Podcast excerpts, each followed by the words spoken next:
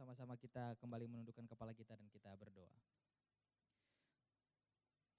Kami mengucap syukur Tuhan kalau pagi hari ini setiap kami diberikan kembali kesempatan untuk hadir di rumah Tuhan. Kami percaya di dalam setiap kesempatan yang Tuhan berikan, maka Tuhan punya maksud yang mulia yang Tuhan mau kerjakan di dalam kehidupan kami dan juga melalui kehidupan kami. Oleh sebab itu, waktu-waktu ke depan saat pemberitaan firman Tuhan, kami percayakan bahwa otoritas Tuhan ada di tempat ini, sehingga kami terfokus, kami memfokuskan pikiran kami, kehidupan kami untuk kami bersama-sama mendengarkan apa yang menjadi isi hati Tuhan. Hambamu yang penuh dengan kelemahan dan kekurangan biar Tuhan sendiri yang akan menolong dan menyempurnakan sehingga hambamu semakin kecil tetapi Tuhan semakin besar. Di dalam pemberitaan ini semakin setiap kami mengetahui bahwa kami mempunyai Allah yang besar, Allah yang mengasihi setiap kami. Terima kasih Tuhan terpuji namamu biar setiap kami membuka hati kami lebar-lebar sehingga setiap benih firman Tuhan yang baik ini jatuh di atas tanah hati kami yang subur dan benih ini berakar, bertumbuh, dan berbuah lebat buat kemuliaan nama Tuhan. Terpuji namamu Tuhan, di dalam nama Yesus Kristus kami berdoa dan mengucap syukur. Haleluya. Amin. Shalom, selamat pagi Bapak Ibu Saudara sekalian. Mari tengok kanan kiri katakan shalom. Karena saya percaya shalom itu bukan hanya sekedar sapaan, tetapi ada doa di dalamnya. Kita berdoa supaya orang di kanan dan kiri kita mendapatkan damai sejahtera Tuhan. Amin. Saya uh, sangat terberkati dengan pujian ya hari ini mengingatkan kita untuk setia. Ya, firman Tuhan hari ini pun kita akan bersama-sama mempelajari bagaimana kita bisa tetap menyala-nyala dalam melayani Tuhan. Tetapi izinkan saya sedikit membahas atau sedikit mengutip khotbah minggu lalu dari Bapak Pendeta Mika Sulistiono mengatakan bahwa kesetiaan kita akan sangat ditentukan bagaimana kita mengakhiri sebuah pertandingan. Kita dikatakan setia bila kita sudah menyelesaikannya sampai kematian dikatakan. Saya kadang-kadang berpikir benar nggak ya? Tetapi saya ketika saya e, merenungkan kembali, betul. Ada begitu banyak orang hari ini melakukan banyak hal, melayani, mengerjakan pekerjaan, ya. Sekian lama, 10 tahun, 20 tahun dia mengerjakan itu. Tetapi saat dia berhenti di tengah jalan, belum sampai ujung, maka orang biasanya memberikan label tidak setia. Tidak setia ya atau mungkin sering kali kita hari ini suka mendengar tidak menyelesaikan dengan baik oh enggak finishing well ya tidak setia oleh sebab itu saat kita tahu bahwa kesetiaan kita akan sangat diukur apakah kita menyelesaikannya sampai akhir atau tidak ya di dalam perjalanannya ada begitu banyak tantangan yang sering kali membuat kita ingin mundur, membuat kita ingin eh, berhenti, membuat kita ingin menyerah. Tetapi hari ini kita akan bersama-sama belajar dari kebenaran firman Tuhan. Bagaimana kita melakukan kehidupan kita, pelayanan kita tetap menyala-nyala sampai kita menyelesaikannya di garis akhir. Yang percaya katakan amin. Oleh sebab itu kita akan bersama-sama membuka Alkitab kita di dalam Roma 12 ayat yang ke-11. Bagian firman Tuhan yang sudah sangat terkenal dan mungkin beberapa dari Bapak Ibu Saudara sekalian atau mungkin semua dari setiap kita sudah menghafalnya di luar kepala. Roma 12 ayat yang ke-11 mengatakan, janganlah hendaknya kerajinanmu kendor, biarlah rohmu menyala-nyala dan layanilah Tuhan. Sebuah bagian firman Tuhan yang mungkin sudah sering kita dengar, mungkin sudah sering kita dengarkan khotbahnya, mungkin sudah sering kita juga renungkan, atau mungkin sudah sering juga kita sharingkan kepada orang lain. Tetapi pertanyaannya pagi hari ini adalah, apakah setiap kita sudah menjalani firman Tuhan ini? Apakah hari ini setiap kita masih sama bersemangatnya? Sama seperti waktu kita memulai pelayanan kita. Ya, apakah kita hari ini masih bersama-sama memiliki semangat yang sama saat kita melayani Tuhan? Saat kita datang ke rumah Tuhan kita masih memiliki semangat, antusiasme yang sama. Sama seperti waktu pertama kali kita berjumpa dengan Tuhan. Ya, oleh sebab itu mari kita berenungkan bersama-sama apakah hari ini kerajinan kita setelah menjadi kendor atau apakah hari ini rohmu di sini mu Mu di sini adalah mu kecil, setiap kita. Apakah roh kita masih tetap menyala atau jangan-jangan roh kita hari ini sudah padam. Tetapi sebelum kita masuk ke bagian bagaimana kita membuat pelayanan kita, roh kita tetap menyala-nyala. Saya percaya bahwa di dalam setiap hal yang Tuhan berikan kepada setiap kita, maka ada sebuah tujuan mulia yang Tuhan mau kerjakan di dalam kehidupan setiap kita. Di dalam setiap hal yang Tuhan berikan, pasti ada tujuan mulia yang Tuhan ingin kita kerjakan. Saat Tuhan memberikan kita waktu, Maka di dalam waktu yang Tuhan berikan itu, Tuhan menghendaki setiap kita melakukan sebuah tujuan yang dia sudah berikan dalam kehidupan kita. Saat Tuhan berikan kesempatan, saya selalu mengucap syukur setiap pagi saya bangun, saya pasti langsung berdoa mengucap syukur Tuhan terima kasih. Kesempatan satu kali lagi. Saya bilang selalu satu kali lagi karena saya pribadi, kita setiap kita tidak pernah tahu apakah kita akan diberikan kesempatan yang sama esok hari. Apakah kita masih bisa bangun, apakah kita masih bisa membuka mata kita, menghirup nafas. Oleh sebab itu saat kita bangun pagi hari mengucap syukur Tuhan terima kasih satu kali lagi kesempatan Tuhan berikan. Untuk saya bisa ada kesempatan yang Tuhan berikan berarti ada sebuah tujuan yang mulia yang Tuhan ingin kita kerjakan. Saat kita mendapatkan berkat, mungkin kita bekerja, mendapatkan bonus, mendapatkan uang, mendapatkan gaji. Di dalam berkat yang Tuhan berikan, pasti ada tujuan mulia yang Tuhan ingin kita kerjakan. Oleh sebab itu kalau kita memikirkan ada begitu banyak yang Tuhan sudah berikan dalam kehidupan kita, mungkin kita tidak bisa menyebutkan satu persatu. Tetapi saya percaya di dalam setiap yang Tuhan berikan, apa pun bentuknya, pasti ada tujuan mulia yang Tuhan ingin kita kerjakan. Kalau kita kembali kepada Roma 12 ayat yang 11, apa tujuan yang Tuhan ingin kita kerjakan? Yang Tuhan ingin kita kerjakan adalah untuk melayani Tuhan. Waktu yang Tuhan berikan, saya percaya waktu itu Tuhan berikan untuk kita melayani Tuhan. Kesempatan satu kali hidup, Tuhan berikan itu supaya kita melayani Tuhan. Uang, berkat, materi, non materi, semuanya Tuhan berikan supaya kita melayani Tuhan. Setiap hal yang Tuhan berikan tujuannya adalah supaya kita melayani Tuhan. Pertanyaannya adalah apa itu melayani? Apakah setelah pulang dari tempat ini kita oke okay, saya melepaskan semuanya lalu saya fokus melayani Tuhan di rumah Tuhan. Melayani Tuhan tidak terbatas hanya berbicara tentang apa yang kita lakukan di rumah Tuhan. Sebab melayani Tuhan bukan hanya sebatas apa yang kita lakukan di rumah Tuhan. Tetapi bagaimana kita mempermuliakan Tuhan melalui kehidupan setiap kita. Melayani Tuhan bukan hanya sebatas apa yang Bapak Ibu Saudara sekalian lihat dan lakukan setiap hari Minggu. Ya di atas mimbar, menjadi usher, menjadi soundman, menjadi uh, operator LED di atas. Bukan itu, bukan hanya itu, bukan hanya sebatas itu melayani Tuhan. Tetapi melayani Tuhan adalah bagaimana kita mempersembahkan hidup kita. Keseluruhan waktu kita. 24 jam kehidupan kita saat kita bekerja itu melayani Tuhan. Saat kita ada di rumah kita melayani Tuhan. Saat kita ada di tengah masyarakat kita melayani Tuhan. Tidak terkecuali pun saat kita ada di rumah Tuhan. Kita pun melayani Tuhan. Ya. Oleh sebab itu apa pun yang Tuhan berikan dia ingin kita melayani dia. Memberikan keseluruhan hidup kita untuk mempermuliakan nama Tuhan. Ya, oleh sebab itu hari ini kita akan bersama-sama belajar bagaimana caranya. Kita belajar dari satu orang tokoh, bagaimana seorang tokoh ini bisa menyala-nyala terus melayani Tuhan.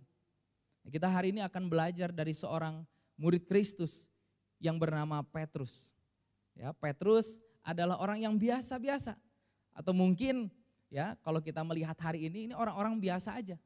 Ya, tetapi Tuhan memakai orang yang biasa-biasa ini untuk menjadi berkat yang luar biasa. Ya. Petrus adalah seorang yang kalau saya suka eh, apa namanya menyebut Petrus, ini Petrus ini orangnya agak angin-anginan. Ya, ikut Tuhan naik, ada kadang naik, ada kadang turun. Ada kadang naik, dia tahu bahwa Tuhan yang dia sembah, yang dia ikuti adalah Mesias. Tetapi ada kalanya juga dia ditegur oleh Tuhan, hei iblis keluar. Ya, ada kalanya naik, ada kalanya turun. Sama seperti kita. Ya, sebagai manusia biasa di dalam pengiringan kita akan Tuhan, kadang ada up, kadang ada down. Kadang ada kita bersemangat saat Tuhan memberkati, waktu Tuhan e, menjawab doa kita, saat Tuhan menolong kita, oh kasih kita kepada Tuhan lagi naik. Tetapi kadang-kadang saat pergumulan datang, masalah datang, ada doa-doa yang mungkin sampai hari ini belum Tuhan jawab. Ya, satu minggu, dua minggu, satu bulan, satu tahun, sepuluh tahun, dua puluh tahun mungkin kita berdoa belum Tuhan jawab. Dan kita mulai berpikir, benar nggak ya Tuhan? Ada kadangnya, ada kadang kita di atas, ada kadang di bawah. Sama seperti Petrus. Tetapi kita mau belajar bagaimana Petrus bisa melayani Tuhan sampai kepada kesudahannya. Petrus ini adalah seorang yang naik turun, melakukan kesalahan besar dalam hidupnya saat dia menyangkal Yesus. Namun perjumpaan dengan Yesus di kemudian hari, perjumpaan dengan Yesus di kemudian hari membuatnya menyala-nyala melayani Tuhan. Dan dikatakan dia bukan hanya orang yang melayani Tuhan, tetapi dia melayani Tuhan dengan setia sampai akhir. Ya, saya teringat bagaimana Petrus pada akhirnya dia harus disalib ya karena pemerintahan Injil, dia disalib ya, tetapi saat dia ingin mau disalib, dia selalu bilang dia dia berkata bahwa aku tidak layak mati seperti Tuhanku. Ya, oleh sebab itu dia meminta untuk disalib dengan kepala di bawah, terbalik. Ya, dia mati sebagai martir dan kesetiaan yang menjadi teladan untuk setiap kita hari ini. Oleh sebab itu kita akan belajar dari satu perikop bagaimana perjumpaan Yesus dengan Petrus yang mengubahkan kehidupan Petrus, membuat dia menyala-nyala di dalam melayani Tuhan.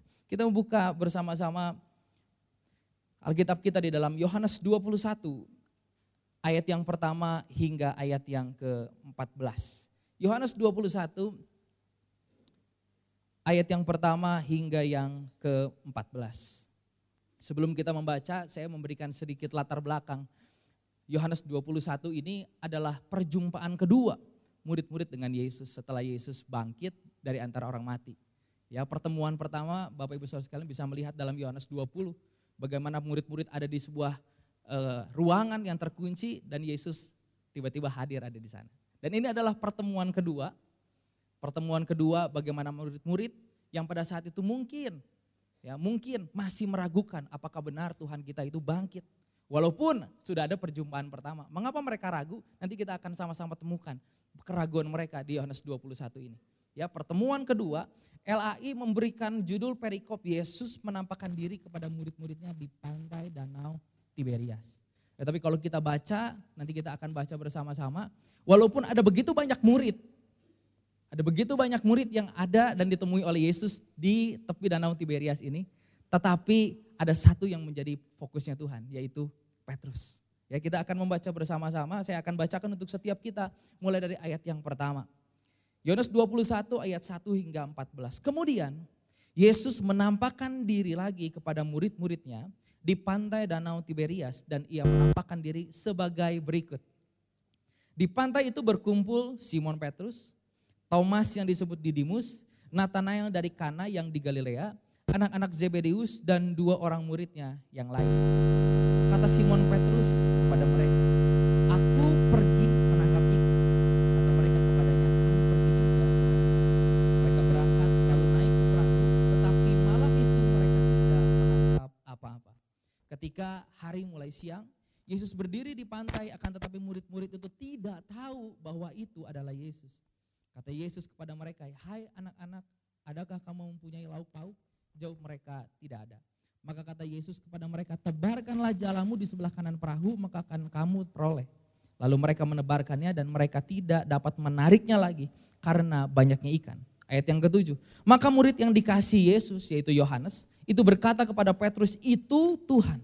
Ketika Petrus mendengar bahwa itu adalah Tuhan, maka ia mengenakan pakaiannya sebab ia tidak berpakaian lalu terjun ke dalam danau. Murid-murid yang lain datang dengan perahu karena mereka tidak jauh dari darat, hanya kira-kira 200 hasta saja. Dan mereka menghela jala yang penuh ikan itu. Ketika mereka tiba di darat, mereka melihat api arang dan di atasnya ikan dan roti. Kata Yesus kepada mereka, bawalah beberapa ikan yang baru kamu tangkap itu. Simon Petrus naik ke perahu lalu menghela jala, jala itu ke darat, penuh ikan-ikan besar 153 ekor banyaknya. Dan sungguh pun sebanyak itu jala itu tidak koyak. Kata Yesus kepada mereka, marilah dan sarapanlah. Tidak ada di antara murid-murid itu yang berani bertanya kepadanya, siapakah engkau? Sebab mereka tahu bahwa ia adalah Tuhan. Yesus maju ke depan, mengambil roti dan memberikannya kepada mereka, demikian juga ikan itu. Itulah ketiga kalinya Yesus menampakkan kepada murid-muridnya sesudah ia bangkit dari antara orang mati. Amin. Ya, di sini disebutkan pertemuan ketiga dengan murid-muridnya. Karena pertemuan pertama dia bertemu dengan Maria Magdalena. Pertemuan kedua bertemu dengan murid-muridnya minus minus Thomas ya tanpa ada Thomas dan ketiga ini baru pertemuan murid-murid kembali dengan Yesus di tempi danau Tiberias. Di dalam bagian yang kita baca ya mungkin Bapak Ibu Saudara sekalian sudah pernah membaca bagian ini dan mungkin sudah sering membaca bagian ini tetapi kita mau belajar bagaimana penampakan Yesus, bagaimana waktu Yesus menampakkan diri ya saya percaya Yesus menampakkan diri bukan untuk tujuan yang sia-sia. Tetapi dalam setiap apa pun yang Yesus lakukan dan tercatat di dalam Alkitab kita, maka dia rindu ada sesuatu yang kita bisa pelajari bersama-sama. Oleh sebab itu ada tiga hal yang kita akan pelajari pagi hari ini. Apa yang Yesus ingatkan sehingga membuat Petrus melayani dengan menyala-nyala. Ada tiga hal yang Yesus kerjakan di dalam perikop yang kita baca. Dan hal-hal inilah yang membuat Petrus tetap menyala-nyala melayani Tuhan. Bagian yang pertama, apa yang Yesus ingatkan dari Petrus? Kalau kita melihat dan kita sudah mendengar bersama-sama bagian dari firman ini, bukankah apa yang Yesus lakukan ini bukan kali pertama dia lakukan? Saat Yesus menyuruh murid-muridnya untuk menebarkan jala. Ya, ini bukan kali pertama mujizat seperti ini terjadi. Ya, dulu pertama kali sudah pernah ada kejadian seperti itu. Dengan kejadian yang sama, semalaman mereka mencoba menangkap ikan tetapi tidak ada ikan yang mereka tangkap. Tetapi mulai siang, Yesus datang, lalu Yesus meminta murid-muridnya tangkap ikan. Murid-murid Yesus itu para nelayan yang profesional, mereka tahu kalau menangkap ikan itu malam hari. Kalau mulai pagi, mulai siang, enggak ada ikannya. Ya. Tetapi Yesus pada saat itu pertama kali menyuruh mereka melakukan itu. Dan murid-murid Petrus berkata apa? Kalau engkau yang menyuruhnya aku lakukan juga. Dan ternyata di pertemuan kedua ini Yesus melakukan hal yang sama. Ya, di dalam kekecewaan mereka, di dalam keraguan mereka, mengapa saya bilang sebuah keraguan timbul di dalam benak murid-muridnya? Karena dengan perjumpaan mereka pertama tidak membuat mereka menjadi sukacita. Mereka tetap kembali lagi ke laut menjadi seorang penjala ikan. Ya. Tidak semerta-merta, oh saya sudah bertemu Tuhan. Berarti tidak sia-sia lalu mereka melakukan pekerjaan pelayanan. Tidak. Alkitab mencatat walaupun mereka bertemu pertama kali bersama dengan Yesus setelah Yesus bangkit. Tetapi kemudian mereka kembali lagi kepada kehidupan mereka yang lama. Menjadi seorang penjala ikan. Waktu Petrus berkata aku mau menangkap ikan, yang lain bilang apa? Yang lain bilang aku ikut. Karena mereka uh, uh, uh, masih bingung apakah benar Yesus yang kita sembah. Guru kita itu benar-benar bangkit. Oleh sebab itu mengapa Yesus merasa penting untuk menemukan menemui mereka di tepi danau Tiberias itu. Dan kembali kepada cerita tadi, Yesus melakukan mujizat yang sama persis dengan mujizat pertama waktu dia bertemu dengan Petrus. Yaitu dia meminta murid-murid ini menebarkan jala di waktu yang sangat tidak masuk akal untuk menangkap ikan. Dan mereka menangkap banyak ikan yang sampai tidak bisa untuk diangkat kembali. Bagian itu mengingatkan apa untuk Petrus? Petrus teringat akan mujizat itu. Dia ingat apa identitas yang Tuhan berikan untuk hidupnya. Oleh sebab itu bagian pertama untuk kita bisa terus menyala-nyala melayani Tuhan, mari ingat identitas yang Tuhan berikan di dalam kehidupan setiap kita. Sama seperti Yesus mengingatkan kembali identitas Petrus. Petrus yang dulu adalah penjala ikan, lalu bertemu Yesus, Yesus berkata, kamu bukan lagi penjala ikan, mulai hari ini kamu penjala manusia. Tetapi beriring berjalannya waktu, Yesus mati, Yesus bangkit, Petrus kembali menjadi penjala ikan. Dan Yesus melakukan mujizat yang sama untuk mengingatkan Petrus bahwa kamu bukan lagi penjala ikan, tetapi kamu penjala manusia. Yesus mengingatkan kembali identitas Petrus yang sesungguhnya. Seringkali hari ini kita melayani, melakukan begitu banyak hal dengan tidak teratur, dengan tidak terarah, karena kita lupa identitas kita siapa. Oleh sebab itu tidak heran ada begitu banyak orang di luar sana berkata begini, jadi orang Kristen mah sama aja. Orang Kristen mah sama aja, nipu ya sama nipu gitu ya.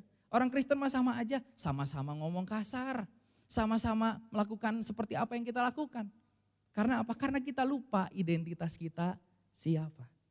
Identitas yang jelas membuat hidup kita menjadi terarah. Oleh sebab itu hari ini setiap kita diingatkan kembali identitas setiap kita. Identitas setiap kita, Bapak Ibu Saudara sekalian dan saya, identitas kita adalah menjadi penjala manusia. Ya, menjadi penjala manusia, menjadi saksi, menjadi garam dan terang. Intinya apa? Kita dipanggil Identitas kita adalah untuk menjadi dampak di mana pun kita berada. Untuk menjadi berkat di mana pun kita berada, itu identitas setiap kita. Coba tengok kanan kirinya, kamu identitasnya menjadi dampak. Identitas setiap kita adalah menjadi dampak, menjadi berkat. Ya.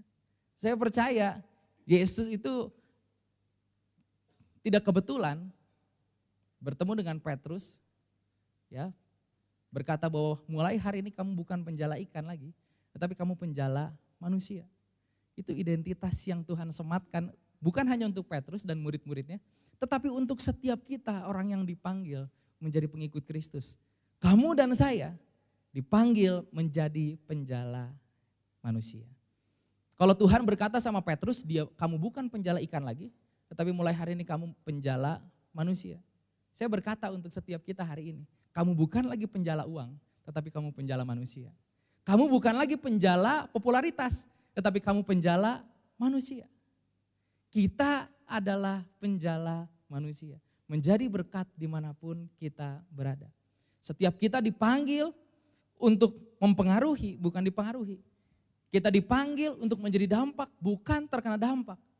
Ya, bagaimana Tuhan memanggil kita menjadi garam dan terang, itu berbicara tentang dampak. Garam itu kalau ditambahkan, ibu-ibu yang suka masak, begitu ya, garam itu sedikit ditambahin langsung kerasa asinnya. Saya jadi ingat lagunya Inul Daratista. Ada yang tahu Inul Daratista? Oh mungkin nggak ada, nggak ada yang tahu di sini.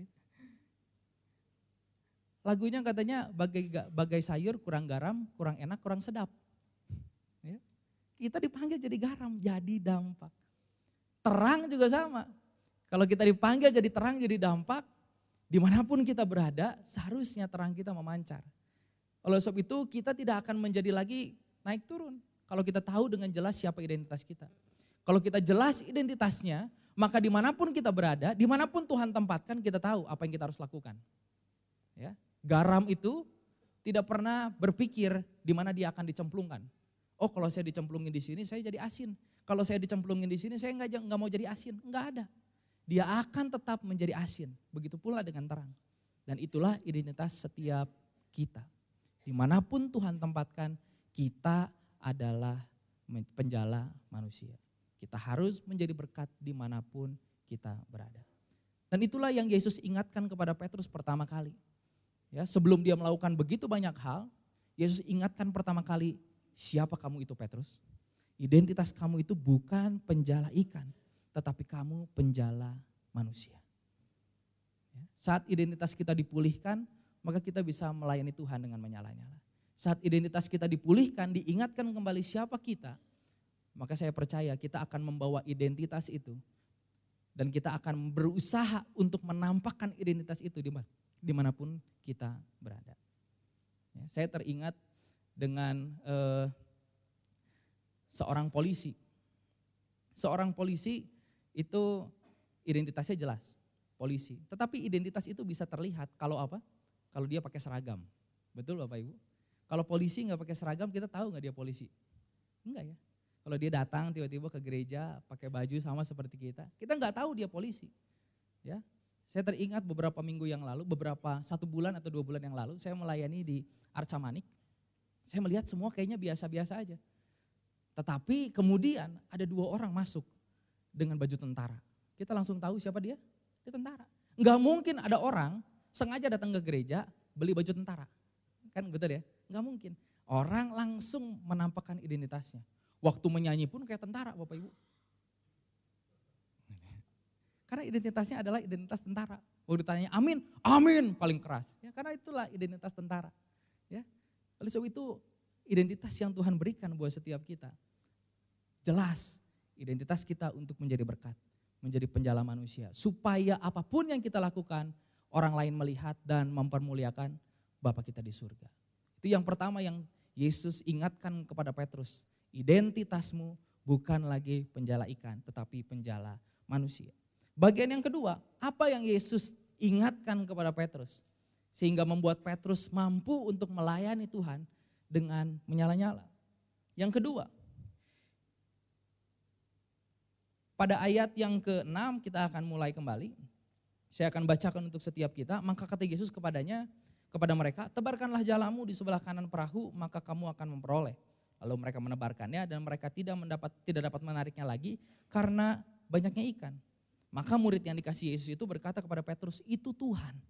Petrus baru tahu, baru ngeh bahwa itu Tuhan.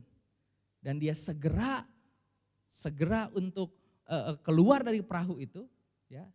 Kalau saya mau bilang ini saking groginya Petrus ini, ya, saking groginya Ya, dia pakai bajunya dulu, terus dia nyemplung, kan jadi basah semua ya.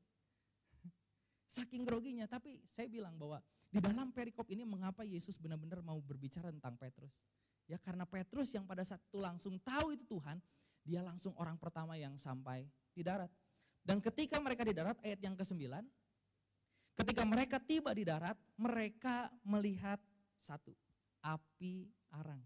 Dan yang kedua, di atasnya ikan dan saya kembali saya percaya setiap hal yang dicatat dalam Alkitab, apa yang Yesus lakukan, Yesus mau mengingatkan setiap kita akan sesuatu. Ketika kita berbicara bagian ayat yang ke-9 yang pertama, mereka melihat api arang. Di dalam terjemahan yang lain, dalam terjemahan Alkitab Webster dikatakan, and they saw campfire. Campfire itu dalam bahasa Indonesia apa? Ya mirip api unggun lah, begitu ya. Dan kalau kita lihat bersama-sama di ayat yang Yohanes pasal yang ke-20, dalam pertemuan mereka yang pertama, dikatakan bahwa itulah hari pertama dari minggu yang baru. Anggaplah itulah hari Senin, begitu ya, hari pertama dari minggu yang baru, hari Senin. Kemarinnya hari Minggu, Yesus baru bangkit. Minggu Yesus bangkit, Senin itu pertemuan pertama, dan anggaplah, sekali lagi, anggaplah ini pertemuan di hari yang kedua, hari Selasa.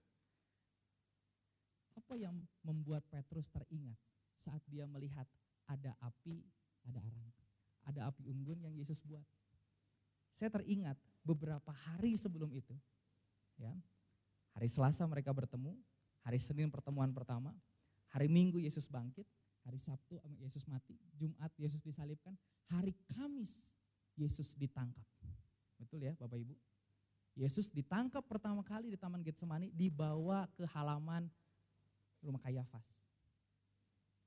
Di sana mereka menunggu. Ya, menunggu Imam Kayafas datang, mereka ada di pelataran. Dan apa yang terjadi di pelataran itu? Kita tahu bersama-sama di pelataran itu terjadilah bagaimana Petrus menyangkal Yesus. Pada zaman dahulu kala belum ada lampu Bapak Ibu. Belum ada lampu. Ya, ada obor begitu ya. Tetapi yang paling menerangi ketika orang banyak berkumpul di malam atau di subuh hari, yaitu apa? Ya itu tadi. Sebuah api unggun, ada arang, ada api di sana. Ketika Yesus melakukan ini, dan dicatat Alkitab Petrus melihat, mereka melihat ada arang, ada api. Saya percaya Petrus langsung ingat maksudnya apa. Yesus teringat, Petrus teringat apa yang dia lakukan lima hari yang lalu. Pada saat dia ada di sekitar eh, apa namanya di sekitar api unggun itu dan beberapa orang bertanya kepada dia, "Bukankah kamu pengikut Yesus?" Lalu dia berkata, "Aku tidak kenal." Aku tidak kenal. Bagian yang kedua, setelah Yesus mengingatkan identitas dari Petrus, yang kedua, Yesus mengingatkan kasih dan penerimaannya untuk Petrus. Pertanyaan saya, mengapa ada begitu banyak orang keluar dan masuk dari gereja? Salah satunya karena mereka tidak merasa diterima. Karena mereka tidak merasa diterima. Kalau mungkin hari ini ada satu orang anak pang. Bapak Ibu tahu anak pang ya? Rambutnya berdiri kayak sapu ijuk gitu ya. Datang di tengah-tengah kita, ya, duduk di paling depan. Kira-kira apa yang kita lakukan terhadap orang itu? Paling gampang, ya, respon orang adalah dilihat dari atas sampai bawah.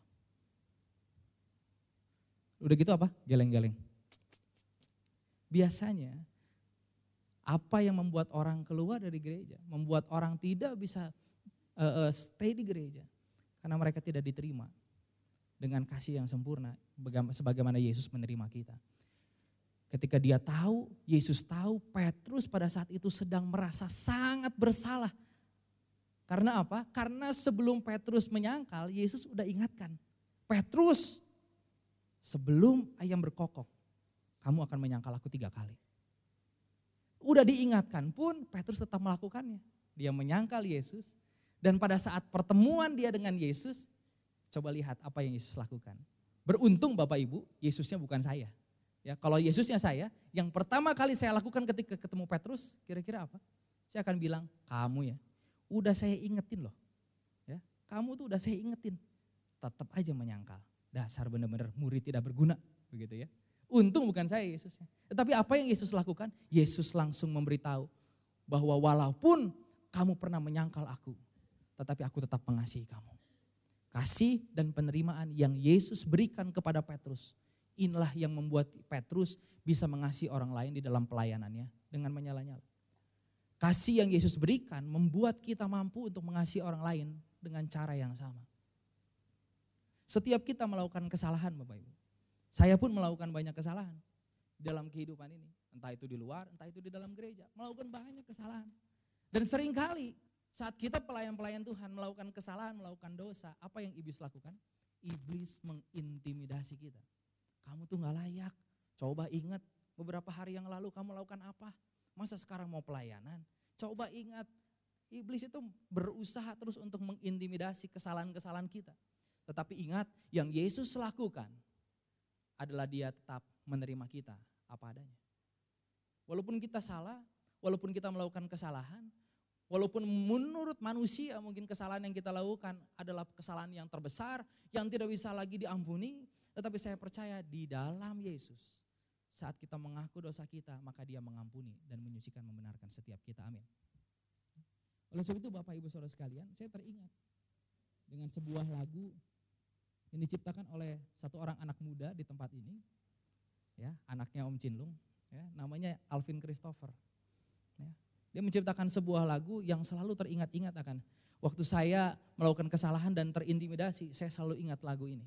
Lagunya berkata begini, yang ku tahu tak ada satu pun dosaku yang tak kau ampuni, yang me yang apa? Saya lupa. Yang memisahkanku dari kasihmu. Yang ku tahu saat ku datang kepadamu. Tak kau pandang hina, kau pulihkanku dan kini ku ciptaan yang baru. Bapak ibu saudara sekalian, Tuhan kita adalah Tuhan yang menerima setiap kita apa adanya. Walaupun kita mungkin jatuh dalam dosa yang sama berulang-ulang kali, berulang-ulang kali. Tetapi saya mau pastikan bahwa Tuhan tidak pernah patah semangat. Tuhan tidak pernah sekalipun memandang kita hina. Saat kita datang kepadanya, maka dia mengampuni setiap kita. Dia bukan hanya mengampuni, tapi dia menerima kita apa adanya. Dan dia tidak lagi mengingat-ingat kesalahan kita. Sejauh timur dari barat, ya, sejauh tubir laut, dia melemparkan setiap dosa dan kesalahan kita dan dia tidak mengingatnya lagi. Menurut saya ini salah satu hal yang membuat Petrus teringat. Ya, saat dia melihat hal itu, dia ingat bagaimana Yesus yang dia kasih itu dia sangkal. Dan pertemuannya pada pagi hari itu, tidak ada satupun penghakiman keluar dari mulut Yesus. Tetapi Yesus mengatakan bahwa kalau kita melihat lagi bagian akhir dari perikop ini, ada pertanyaan, tiga pertanyaan yang terkenal yang Yesus berikan kepada Petrus. Petrus, apakah kamu mengasihi aku? Ya, Yesus mau menunjukkan bahwa dia tetap mengasihi Petrus. Dia tetap menerima Petrus apa adanya. Walaupun Petrus melakukan kesalahan yang begitu besar.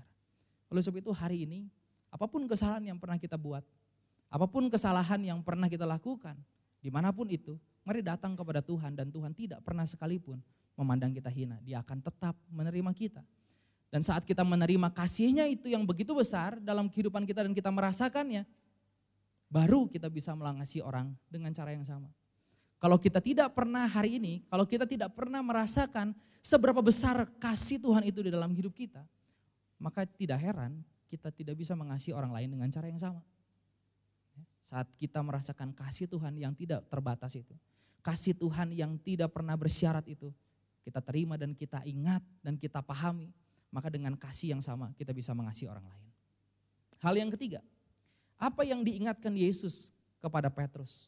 Diingatkan kembali di ayat yang ke-9 ketika mereka tiba di darat mereka melihat yang pertama api arang dan yang kedua di atasnya ikan dan roti. Ikan dan roti. Kira-kira apa yang teringat oleh Petrus saat dia melihat ada ikan, ada roti? Saya percaya dia teringat bagaimana Yesus memberi makan orang banyak menggunakan ikan dan roti. Dia teringat bagaimana Yesus itu adalah Tuhan yang berkuasa. Di sini Tuhan, saya percaya Petrus pada saat itu menyadari kembali, oh ternyata Tuhan yang saya ragukan itu, guru yang saya ragukan itu, ternyata dia benar-benar Tuhan di atas segala Tuhan. Dia benar-benar Mesias yang dijanjikan oleh Tuhan. Oleh sebab itu ketika dia melihat ikan dan roti, dia mengingat ada kuasa Yesus. Ada kuasa yang membuat kita mampu untuk melayani.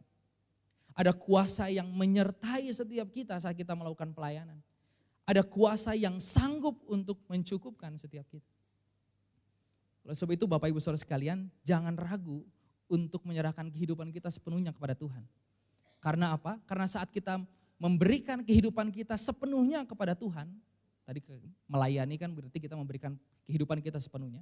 Saat kita bekerja, kita melakukan kehidupan kita sepenuhnya untuk Tuhan, melakukan sesuai dengan apa yang Tuhan mau, walaupun orang dunia bilang, kalau kerja nggak licik itu nggak mungkin jadi kaya. Tapi saya percaya, saat kita mengikuti apa yang Tuhan mau, menyerahkan hidup kita saat kita bekerja, maka ada kuasa yang mengikuti. Kuasa itu adalah kuasa yang memampukan kita untuk melakukan sesuatu, tetapi juga kuasa yang mencukupkan setiap kita. Oleh sebab itu tidak perlu takut untuk menyerahkan kehidupan kita sepenuhnya kepada Tuhan. Karena saat kita menyerahkan kehidupan kita sepenuhnya kepada Tuhan, dia Allah yang mencukupkan. Dia Allah yang memampukan setiap kita. Oleh sebab itu saat kita dikatakan bahwa mari jangan kerajinan kita kendor, biar roh kita menyala-nyala dan melayani Tuhan. Ingat pelayanan kita didasarkan oleh kuasa Tuhan. Saat kita melayani Tuhan, Walaupun mungkin kita merasa, aduh saya tidak bisa, saya kurang, saya kurang berbakat, saya kurang ini. Tapi saya percaya kuasa Tuhan itu sanggup mengerjakan lebih besar dari apa yang kita mampu pikirkan. Walaupun mungkin menurut orang pelayanan kita biasa-biasa aja. Tapi saya percaya kuasa Tuhan itu yang mengubahkan kehidupan orang lain. Ya, nyanyian kita, permainan musik kita, ya, jabatan tangan kita, itu yang kita lakukan semua, saya percaya itu semua tidak mampu mengubahkan orang. Tetapi saat kita melakukan itu dengan kuasa Tuhan, saya percaya kuasa Tuhan itulah yang mengubahkan setiap kita, memulihkan setiap kita. Oleh sebab itu tiga hal ini diingatkan oleh Yesus kepada Petrus. Sebelum Petrus pada akhirnya kita lihat bersama-sama dia mengerjakan pelayanannya dengan luar biasa. Tetapi diingatkan oleh tiga hal. Yang pertama dia diingatkan akan identitasnya siapa. Setiap kita pun diingatkan siapa identitas kita. Yang kedua, dia diingatkan akan kasih dan penerimaan yang Yesus berikan. Dan yang ketiga, Yesus mengingatkan bahwa ada kuasa, ada kuasa yang menyertai pelayananmu. Oleh sebab itu saat kita hari ini sadar siapa kita, apa yang Tuhan panggil dalam kehidupan kita. Ya, dan bagaimana walaupun kita sebagai manusia jatuh bangun, Tuhan tetap mengasihi dan menerima kita. Dan bagaimana kita teringat bahwa di dalam kelemahan setiap kita, ada kuasa Tuhan yang akan menyempurnakan. Maka saya percaya ketika kita selalu mengingat tiga hal ini, waktu saat kita sedang lelah, waktu kita sedang capek, waktu kita sedang putus asa, mengingat tiga hal ini membuat kita akan terus menyala-nyala di dalam melayani Tuhan. Saat kita merasakan kasihnya yang besar, yang telah memanggil kita untuk masuk dalam rencananya yang agung, dan kuasanya yang menaungi setiap kita, maka tidak ada alasan untuk kita tidak melayaninya dengan menyala-nyala. Kalau saya itu di akhir sharing firman Tuhan pada pagi hari ini, saya mengajak setiap kita untuk mengingat kembali. Mari mengingat kembali apa yang Tuhan berikan dalam kehidupan kita. Bagaimana dia memanggil setiap kita. Ya, kalau kita hari ini ada di tempat ini menjadi orang percaya itu karena Tuhan memanggil setiap kita. Melalui roh kudusnya memanggil setiap kita untuk ada di tempat ini. Dan saat dia memanggil setiap kita, dia memanggil kita untuk masuk di dalam rencananya yang agung. Dalam rencananya yang agung disertai dengan kuasa yang menaungi setiap kita. Mari kita melayani Tuhan. Biar roh setiap kita terus menyala-nyala. Dan kita melayani Tuhan melalui kehidupan setiap kita. Kita menundukkan kepala bersama-sama.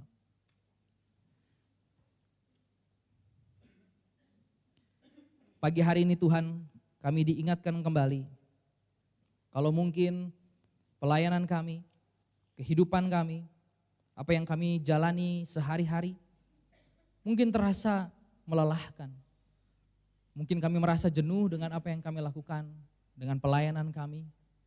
Tetapi hari ini Tuhan mengingatkan kembali setiap kita. Tuhan mengingatkan setiap kami, siapa setiap kami. Tuhan mengingatkan kembali identitas setiap kita orang percaya. Kita dipanggil untuk menjadi berkat. Dan bukan hanya itu saja.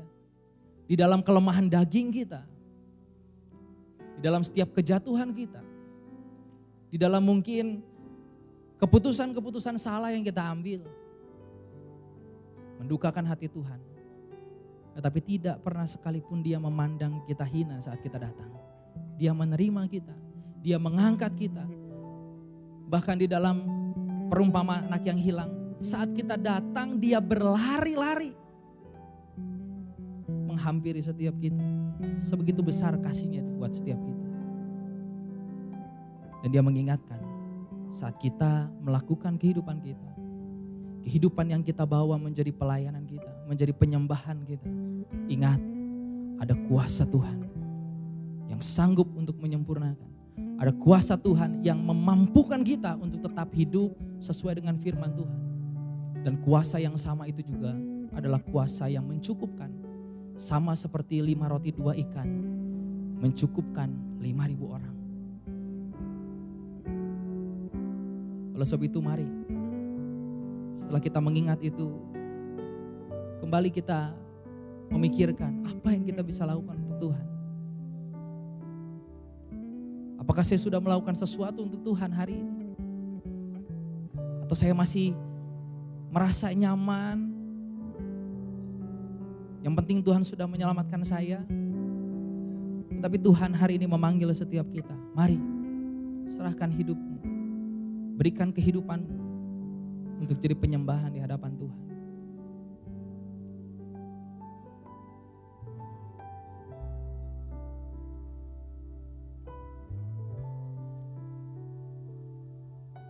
Bersama-sama akan mengangkat pujian ini. Namamu besar, namamu besar dan layak dipuji.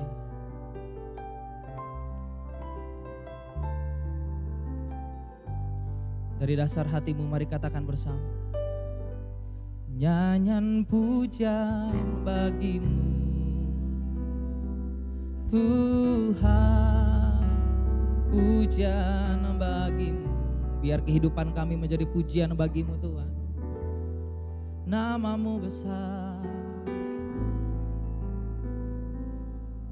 Dan layak dipuji.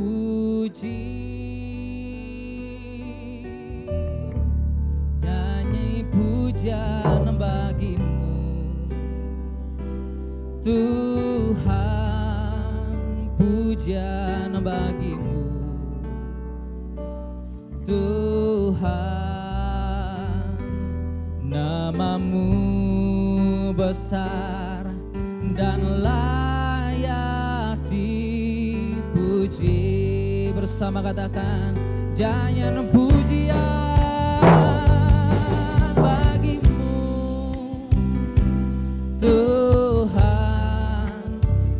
for your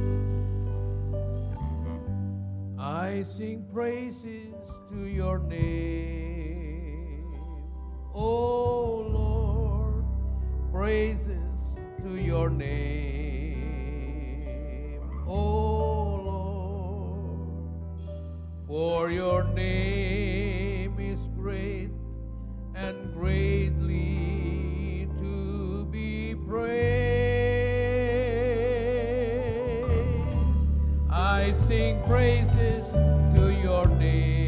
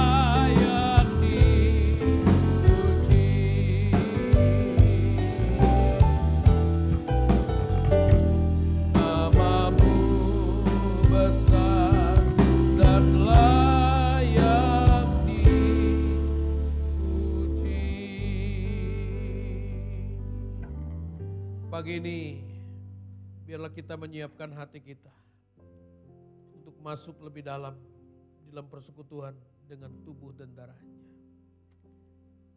Cinta Tuhan dalam hidup kita adalah cinta yang tidak pernah terbatas. Sekalipun sering kita membuat diri kita, menempatkan diri kita tidak layak di hadapan Tuhan. Namun kasih setia Tuhan, cintanya Tuhan itu lebih besar. Saya mengundang para pelayan perjamuan kudus mari maju ke depan. Dan setiap kita yang sadar bahwa cinta Tuhan itu ajaib, cinta Tuhan itu besar. Kita mau jadi orang yang sungguh-sungguh mencintai Tuhan.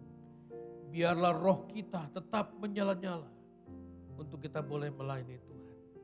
Amin.